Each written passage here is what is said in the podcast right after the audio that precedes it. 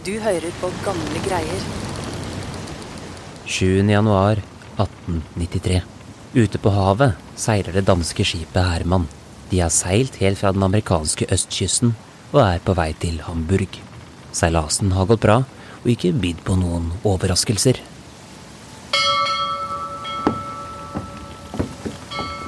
Helt til nå. Plutselig får mannskapet øye på noe i horisonten. Det er et skipsvrak. Så ser de tre skikkelser på toppen av den herjede masten i det fjerne. Det blir satt ut en robåt som henter de tre menneskene. Skikkelsene viser seg å være to nordmenn og en svenske. De er svake, utsultet, utmattet og må ha hjelp for å komme seg i robåten og om bord i skipet.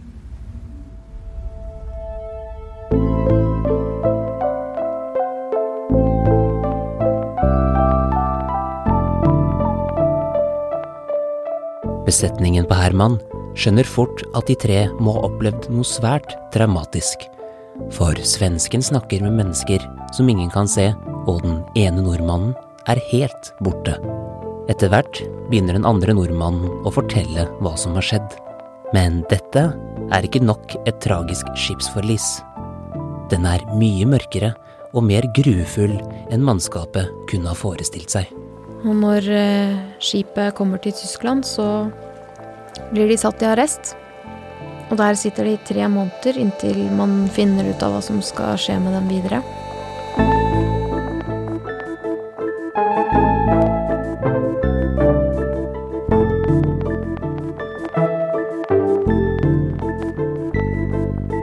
Velkommen til Gamle greier, podkasten hvor vi her på Nasjonalbiblioteket gir deg historier fra samlingen vår.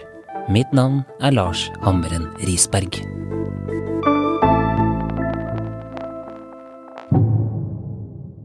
Dette er en historie om hvor langt mennesker kan gå i en nødsituasjon. En situasjon som er nesten umulig å sette seg inn i for de fleste av oss.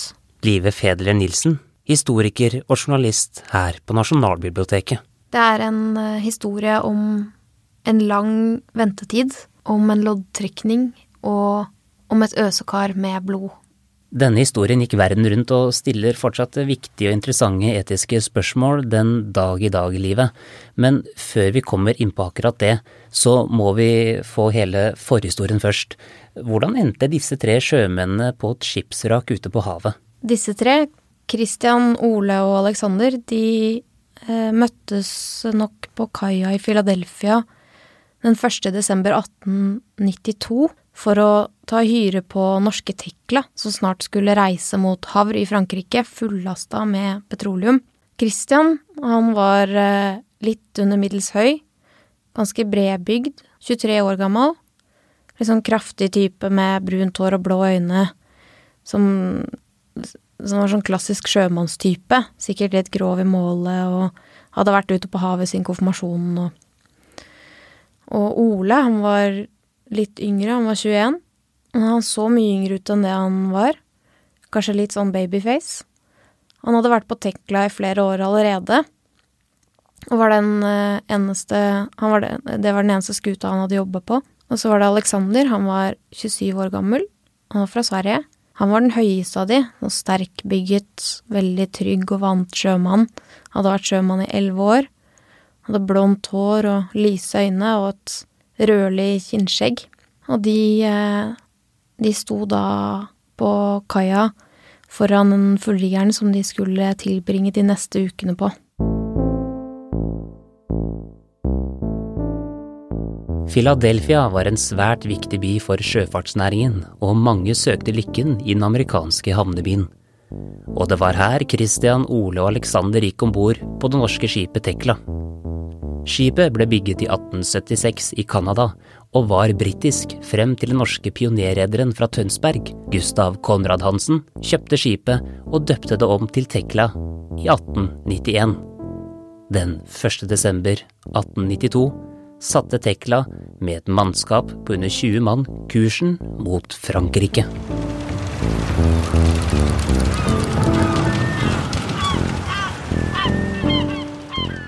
Hvor lang tid tok det å krysse Atlanterhavet på slutten av 1800-tallet? Jeg er ikke noe seilerekspert, men basert på de beretningene som jeg har lest om norske utvandrere til Amerika på den tiden, så kunne det nok ta alt fra et par uker til et par måneder hvis man var skikkelig uheldig med været. Og det er jo det som eh, skjer, da, for Tekla. Etter noen dager med finvær så blåser det opp til storm. Og den blir bare kraftigere og kraftigere. Og da det hadde vært på sjøen i omtrent tre uker, så var stormen så kraftig at skuta ikke lot seg styre lenger.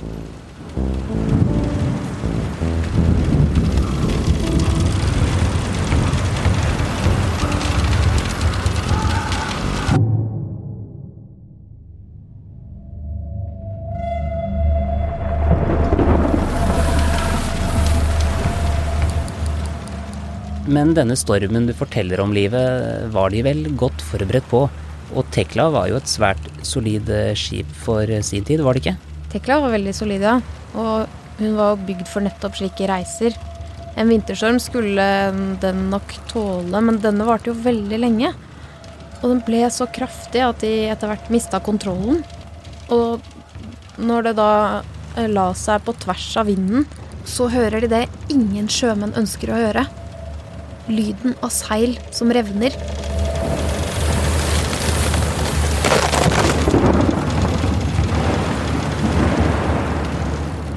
Og sjøen og vinden herjer med skipet i mange timer. Alle mann blir sendt til pumpene for å ta unna vannet som kommer inn, men det nytter ikke. Skipet tar inn for store mengder med vann.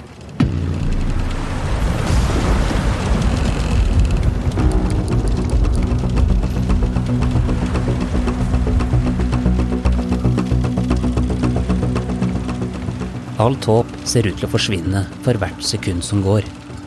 Men i et siste desperat forsøk på å redde skipet, gir kapteinen ordre om å kappe mastene for å lette vekta. Mannskapet jobber på spreng. Men så ser de en enorm bølge som kommer rett mot dem. Bølgen skyller over skuta og tar med seg roret. Christian klarer å berge seg, men ser at en av guttene blir slukt av bølgen. Nå er det kaotiske tilstander på Tekla. Deler av skipet ligger under vann, roret er borte og seilene er revnet opp. Nå prøver de gjenlevende av mannskapet å komme seg i livbåtene. Men bølgene er voldsomme, og den første båten blir skilt bort. Men noen klarer å komme seg i den andre livbåten.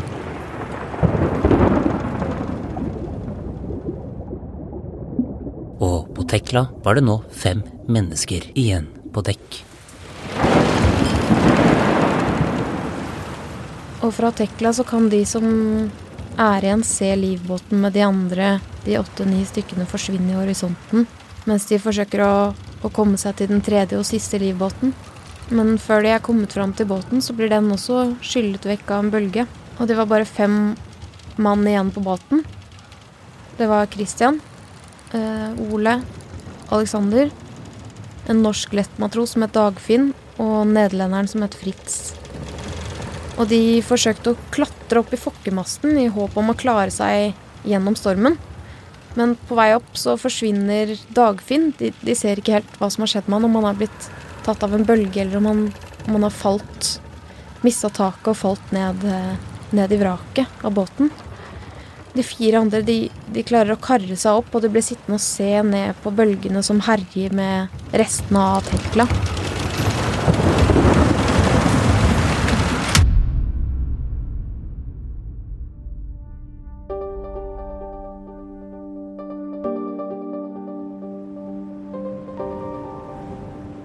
Datoen er 24. desember. Hjemme i Norge, Sverige og Nederland feirer man julen inne i varme hus med god mat på bordet. Ute på Atlanterhavet holder de fire gjenlevende seg fra Tekla fast til en mast. Kontrastene kunne ikke vært større. Rundt seg ser de ikke noe annet enn hav. Ikke noe land, ikke noe skip og ingen tegn til liv. De er helt alene. De neste 48 timene klamrer de seg fast i masten, uten mat og søvn. Slik kan det ikke fortsette. Etter to dager så roet stormen seg endelig litt. Men det var ikke noe land i sikte, og de hadde fortsatt ingenting å leve av. De kunne våge seg litt ned på akterdekket for å få beveget litt på seg. Og for å se om det fantes noen regndråper eller noe morgendugg som de kunne slikke i seg for å stilne den, det som har vært en forferdelig tørst. Og etter noen dager så klarer de ikke motstå fristelsen til å drikke litt av det salte sjøvannet. Og da begynner de å føle seg litt rar i hodet.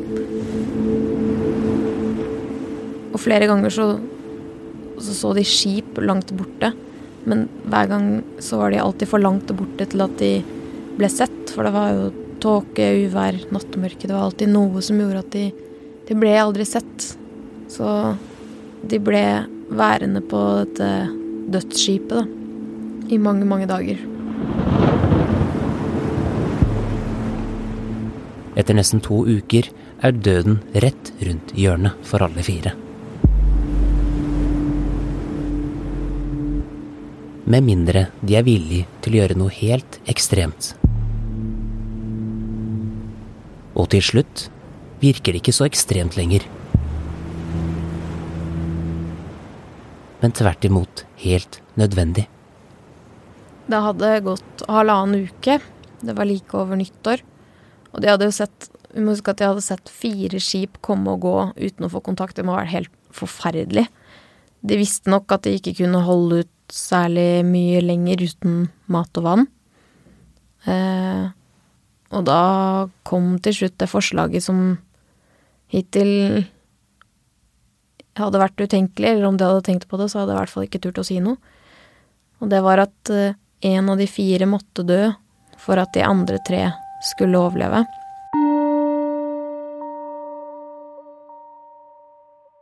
Det tok en dag eller to før de endelig bestemte seg for å gjøre det, og for hvordan de skulle gjøre det.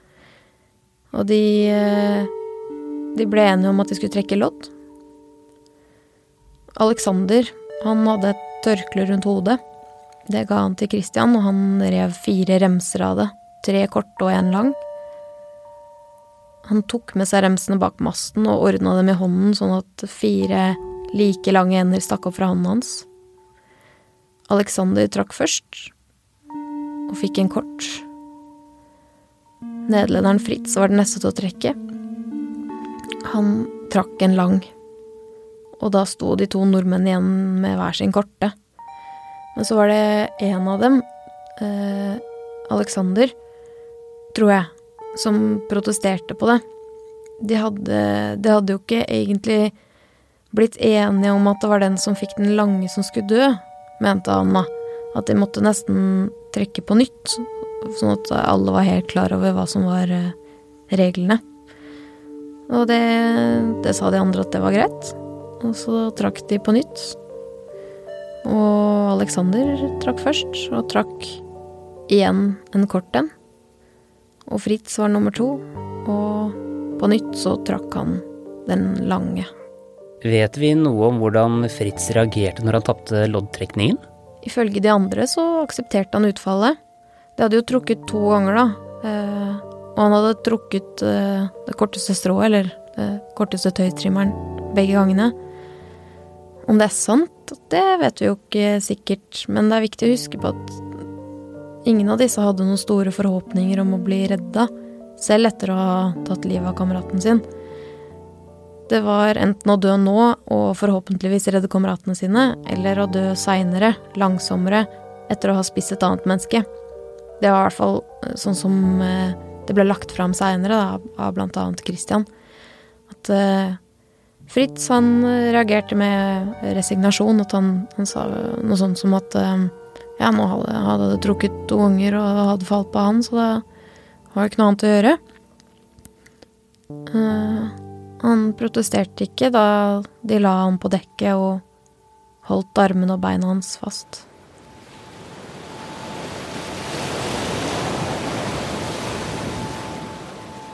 Hva som egentlig skjedde denne dagen, vil vi aldri få vite. Vi har kun Christian, Ole og Aleksanders versjon, og det er den du hører nå. De våger seg ned på akterdekket, hvor de legger Fritz ned. Christian holder sjømannen fra Nederland hardt. mens Alexander trekker opp kniven og ser ned på Fritz som ligger på dekk.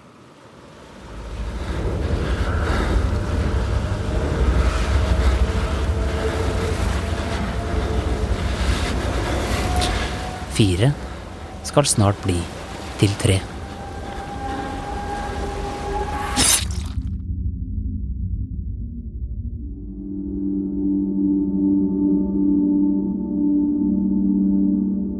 Ole holdt et øsekar under såret for å samle opp blodet som rant i en sånn tykk stripe fra halsen til Fritz. Det blanda de med saltvann, og så drakk de det. Ole, han Han mista bevisstheten og ble liggende på dekk mens Alexander og og Christian skar remser av kjøtt fra beina til Fritz som de pakket inn i litt av buksebeina hans. Og Alexander orket ikke å se på ansiktet til Fritz som lå der og stirret tomt ut i lufta, så de eh, tok en øks og hakket av han hodet og kastet det på sjøen. Så tok de med seg kjøttet fra Fritz og bar det med seg opp i masten, mens resten av eh, liket av Fritz ble liggende igjen på dekk.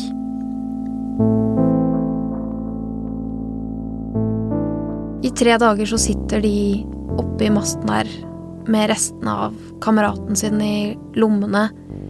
Kaldt, rått menneskekjøtt som de må leve av uten utsikter til å bli reddet.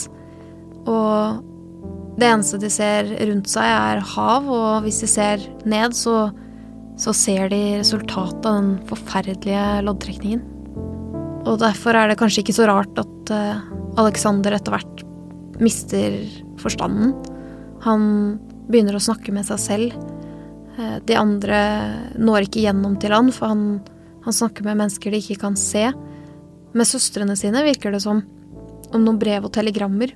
Nå har de vært uh, uten mat i 13 dager. Det er først nå at de har uh, fått mat, altså dette menneskekjøttet, og spist på det i tre dager. Men fortsatt så må det jo se veldig mørkt ut for uh, disse tre. De kan ikke overleve dette her. Nei, hvor lenge kan man egentlig overleve på kjøtt, blod og saltvann? Det, det vet ikke jeg, men jeg tror nok de begynte å skjønne at dette kom de ikke til å overleve, de heller. Men bare tre dager etter veddemålet så tar Mari til slutt. Ja, da skjer det som de kanskje hadde sluttet å håpe på, men som endelig skjer. De ser enda et skip i horisonten, men denne gangen så har det kurs rett mot dem. Og det får øye på dem. Det er det danske skipet Herman, og de kan se at det settes ut en livbåt på vannet som ros mot dem. Nå er de endelig reddet.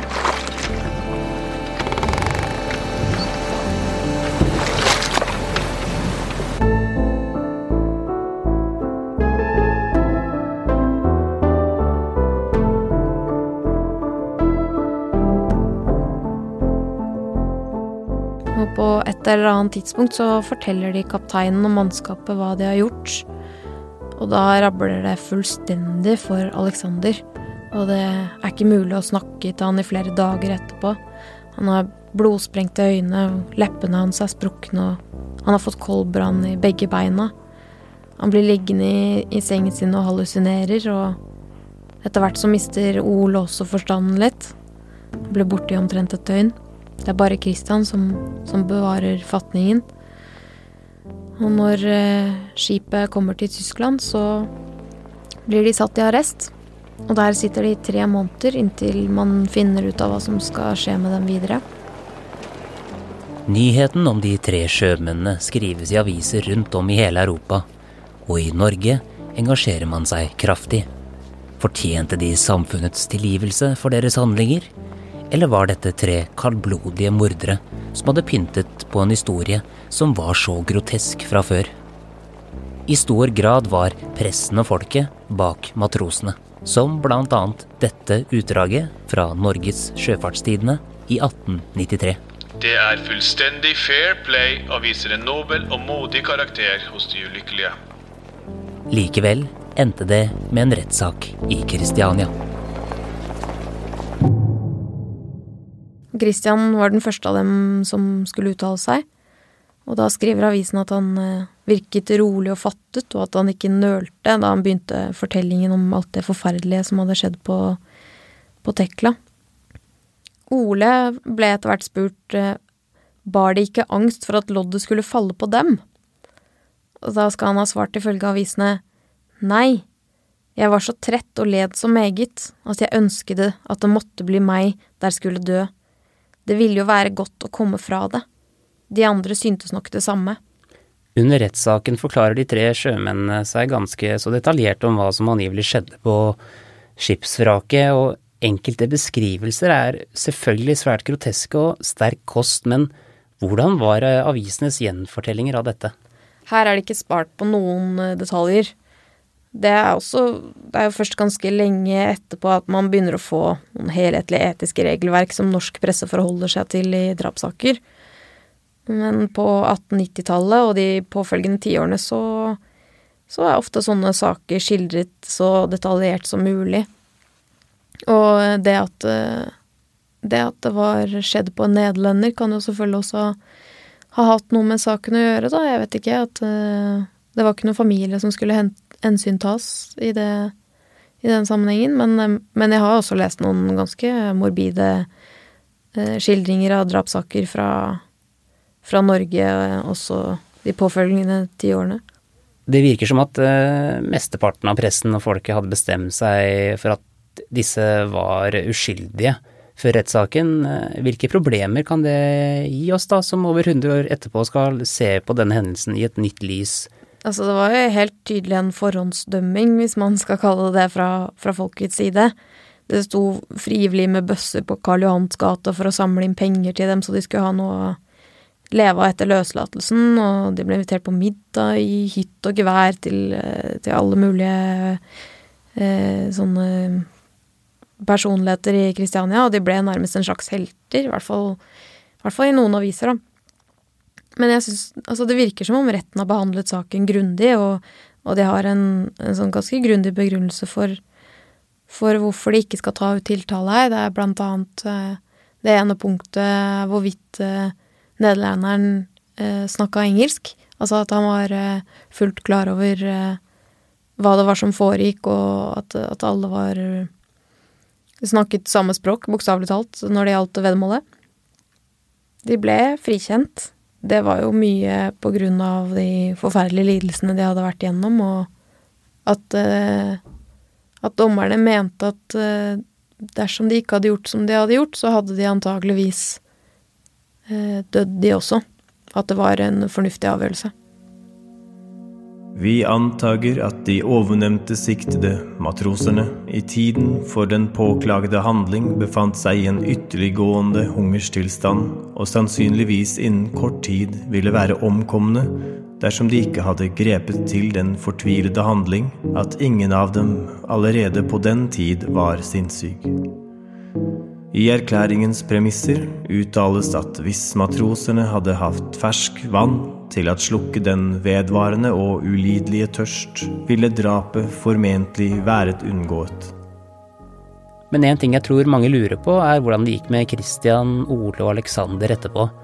Hvordan gikk det med dem? Vi vet ikke så veldig mye om hvordan det gikk med dem etterpå. Vi veit at eh, Alexander han eh, ville ikke være sjømann igjen. Men eh, han fikk publisert et sånn takkebrev i en svensk avis en stund senere, hvor han øh, uttrykte takknemlighet overfor befolkningen i Kristiania for hvordan han hadde blitt mottatt. Og Der sto det også at han hadde fått beskjed av øh, psykologen sin om å ikke tenke så mye på det. Så det spørs om dagens psykologer ville vært helt enig i den vurderingen der. De to andre de, var, øh, de uttrykte at de var litt mer villige til å eh, dra ut på sjøen igjen. Men de var litt usikre på om de ville få hyre da, etter det de hadde gjort. Men vi vet egentlig ikke noe om, om hvordan det gikk med dem etterpå.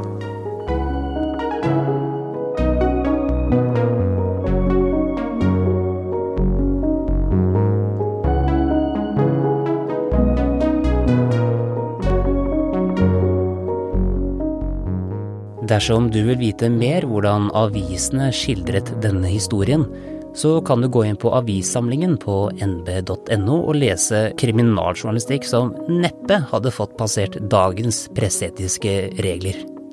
Tusen takk til Live Ferdele Nilsen som bidro til å gjenfortelle denne utrolige og brutale historien om Teklas undergang og disse tre matrosene. Musikken i Gamle greier er skrevet og produsert av Therese Aune. Du finner mer av musikken hennes der du strømmer musikk til vanlig, eller thereseaune.com. Mitt navn er Lars Hammeren Risberg. På gjenhør.